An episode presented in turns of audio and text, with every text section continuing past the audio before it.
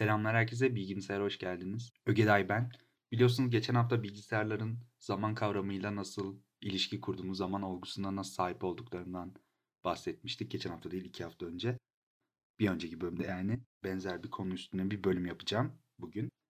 Şimdi biliyorsunuz bilgisayarlarda dosya kopyalarken, oyunların yüklenmesini beklerken ya da günümüzde daha çok akıllı telefonlarımıza uygulama yüklerken hep beklediğimiz bir yükleme çubuğu, yüklenme barı ya da bir çember oluyor yavaş yavaş dolmaya başlıyor vesaire. Yani bu tarz belirli göstergeler oluyor genelde bilgisayarlarımızda ya da akıllı telefonlarımızda bu tarz işlemleri beklerken. Bunların orada bulunmasının amacı aslında kullanıcıya bir şeyin olduğunu göstermek. Bir şeyin olduğunu gösterdiğinizde kişiye aslında onun bu bekleme sürecini onun için daha kabul edilebilir bir hale getirmiş oluyorsunuz. Yani sonucunda bir şeye varacağını bildiği için kişi daha konforlu bir şekilde bekliyor diyeyim. Bir belirsizliğe bakmaktansa en azından bir şeyler olduğunu gözlemleyebiliyor. O açıdan bir avantajı söz konusu. Şimdi gelelim bu çubukların tarihine. Aslında çok eski bilgisayarlardan DOS zamanlarından beri, beri var. Çubuk olarak olmasa bile işte iki nokta üst üste işaretinin arka arkaya koyulmuş hali zamanla işte birkaç noktaya dönüşerek, birkaç nokta işaretine dönüşerek ilerliyor mesela. Bu tarz bir görsel iletişim tekniği mi denir buna? O tarz bir şey kullanılmış. Yapı kullanılmış önceki şeylerde. Bu zamana tabii ilerlemiş. Hatırlarsınız belki Windows XP'de yeşil bir çubuk vardı. E, kare kare dolmaya başladı vesaire. Bu şekilde ilerler hale gelmiş. En çok da bir Windows XP Vista zamanlarında özellikle rakip firmalar tarafından mesela macOS'un üreticisi Apple tarafından sunumlarında vesaire dalga geçilen bir ibre olmuştu bu yeşil zaman çizelgesi. Özellikle Vista ile sanırım. Çünkü o zaman özellikle Windows kısmında asla ve asla işlemin biteceği tahmini zaman kestirilemiyordu ve çok zorlaşıyordu işler. Bir saatle başlayıp 10 dakikaya iniyordu. Ee, insanlar da bunu doğal olarak komik buluyorlardı ve işte esprileri vesaire dönüyordu. Rakip firmalar da bunu avantajı çeviriyordu elbette. Ama düşünüldüğünde macOS'ta da durum farklı değil. Aslında hiçbir bilgisayar sisteminde hiçbir zaman bu durum %100 elverişli ve tam çalışır. Çok güzel bir tahmin yapan, çok güzel bir e, öngörü sunan bir sistem yok. Çünkü bu teknik olarak mümkün değil günümüz bilgisayarlarında. Aslında bu üstünde konuştuğum yüklenme çubuğunu şu an bu podcast'i dinlerken mesela atıyorum Spotify'dan dinliyorsunuz. Spotify'da şu an bu podcast'in yaklaşık 3. dakikalarında olmamız lazım. 3. dakikasında olduğunu gösteren bir slider, bir çubuk, bir kaydıraç göreceksiniz. Buna benzetebiliriz yani bir işlem var bu podcast oynatma işlemi ve zamanla ilerliyor ve şu an onun 3. dakikasındayız. Günümüzde YouTube, Netflix vesaire gibi platformlardan herhangi bir yerden bir şey izlerken de aslında benzer bir çubuğu görüyoruz. Bu çubuk hiçbir zaman takılmıyor yani görüntü takılmadığı ya da videonun indirilmesi duraksamadığı sürece takılmıyor ya da sekteye uğramıyor. Çünkü bilgisayarın geçen bölümde konuştuğumuz gibi zaman kavramı şu an için gayet oturmuş durumda ve paralel bir şekilde işletebiliyor bilgisayar bunu. Hatta çok daha teknik olarak düşünürsek o zaman kavramını kullanarak zaten o videoyu oynatıyor. Peki bunu böyle sürekli ve kesintisiz bir şekilde yapabilirken bir dosyayı bir yerden bir yere kopyalama işleminin biteceği anı neden kestiremiyor? Onu yapabilmesi gerekmez mi diye düşünüyoruz. Çünkü mesela geçen bölümde konuştuk bilgisayarın hızlarını atıyorum 3.7 GHz'lik bir bilgisayarınız var. E, dolayısıyla bu bilgisayarın bir şeyi kopyalama hızını bu saniyede yapabildiği işlem kapasitesini baz alarak o kopyalama işleminde kaç işlem kesiti süreceğini düşünürsek bunu belli bir zamana yayarak kestirebilmesi gerekmez mi diye düşünüyoruz hep. Ama aslında böyle işlemiyor olay. Çünkü dosyaları kopyalamak olsun ona birazdan geleceğim. Bunun yanında bir de bu yükleme çubuğunu gördüğümüz özellikle bir program yüklenirken bilgisayar kurulum yaparken çok sık karşılaşıyoruz. Bu tarz işlemler aslında bizim düşündüğümüzden çok daha komplike işlemler. Yani orada sadece bir dosyanın bir yerden bir yere kopyalanması geçmiyor. Doğal olarak bilgisayarımız o anki işlem kapasitesini tamamı sadece kopyalama işine ayıramamış oluyor. Bu komplike iş karıştıkça ve iki kez kontrolle ilerleyerek ve geldiği noktada bazı problemlerle karşılaştığı için önceden kestiremeyeceği problemlerle karşılaştığı için bilgisayar bu işlemler uzayabiliyor. Bu program kurulumlarına, bilgisayarlarımıza kurduğumuz program yazılım kurulumlarına Windows üstünden konuşacağım. Installer dediğimiz küçük, daha küçük program yapıları yardımcı oluyor bize. Bunlar yardımcı programlar diğer büyük olan programı kurmak için yapılmış. Şimdi bu küçük programın aslında sırayla işlemesi gereken, e, ilerletmesi gereken bir görev dizisi var. Elinde yap- bir yapılacaklar listesi var. Buna bir bakalım neler yapması gerekiyor. Öncelikle uzaktan kurulacaksa bu program indirmesi gerekiyor. Bu do- dosyaları indirmesi gerekiyor uzak bir sunucudan. Daha sonra bu dosyalar sıkıştırılmış bir şekilde olduğu için bu sıkıştırılmış dosyaları geri açması gerekiyor. Decompress dediğimiz işlemi yapması gerekiyor. Ondan sonrasında da asıl bu kopyalama işlemi dediğimiz bir yerden okuyup diğer yere yazma, hatta belki yazdığı yerde var olan şeyleri silme gibi işlemleri yürütmesi gereken üçüncü bir görevi var. En çok bu görevde vakit kaybediyor olacaktır büyük ihtimalle. Gerçi dosyanın boyutuna da bağlı. indirme görevinde de daha çok vakit kaybedebilir. En sonuncusunda ise yine işletim sisteminden ve bilgisayardan bilgisayara değişmekle birlikte ayarlarda değişiklik yapması gerekecek. Bilgisayarın ayarlarında bazı konfigürasyonlar yapması gerekebilir bu programın. Fakat bu her bir küçük aşamanın bu yapılacaklar listesindeki her bir küçük adımın her makinede farklı bir zamanla tamamlanacağını unutmamamız gerekiyor. Şimdi mesela indirme işlemi ilk birinci basamaktaki işlem sırasında internet hızınız etkiliyor olacaktır.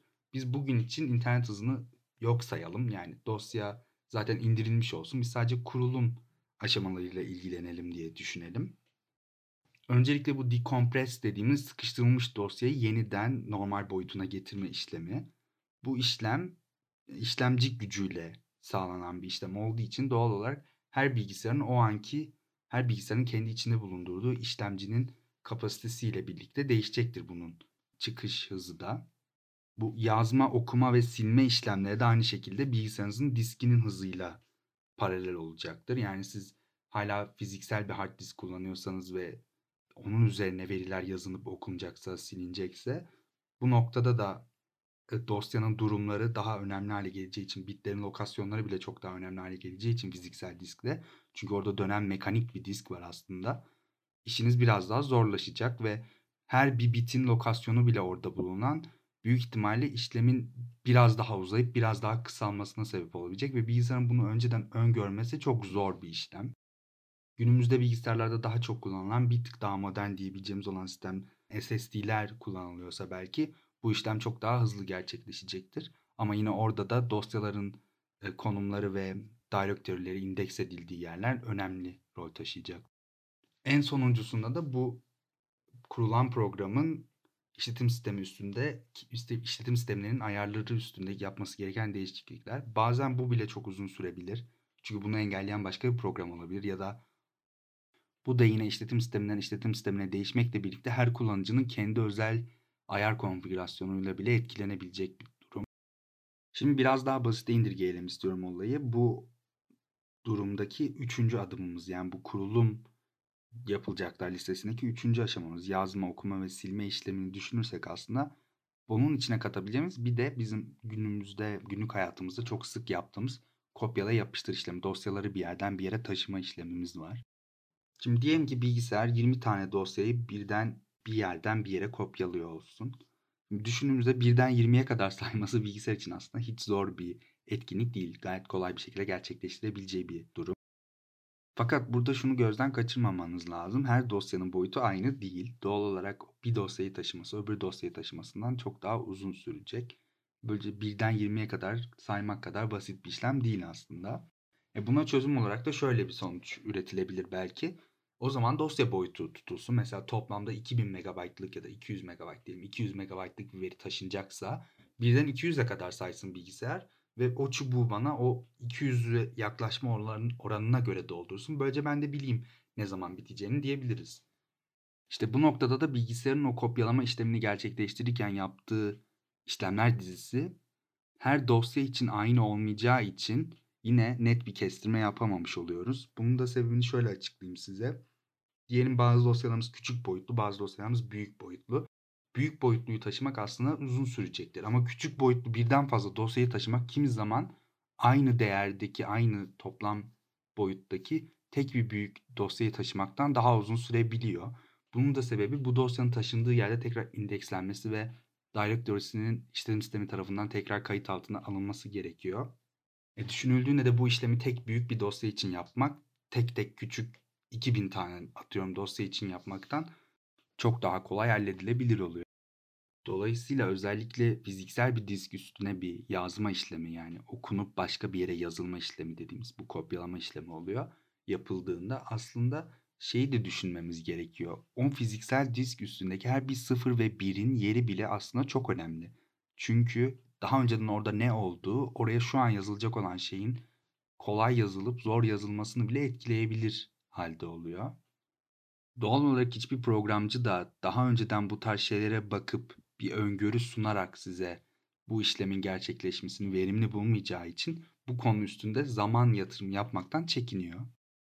Çünkü bu büyük ihtimalle bilgisayar bu işlemin ne kadar sürede gerçekleşeceğini hesaplarken ki harcayacağı işlem kapasitesiyle o diğer kopyalama işlemini iki katı hızla bitirebiliyor olacak. Dolayısıyla burada önemli olan işlemi daha çabuk bitirmek olacağı için size ne zaman biteceğini daha net bir şekilde söylemekten diğer konudaki yapılan zaman yatırımı çok daha mantıklı kalıyor.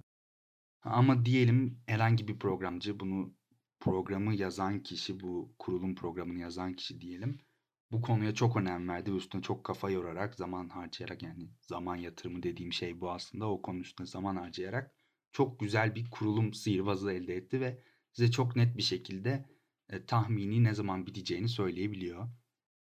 Ama yine de ve yine de bu konu hakkında yaptığı yatırıma rağmen büyük ihtimalle söylediğinden çok daha farklı bir zamanda belki daha erken belki daha sonrasında bitirebiliyor olacak.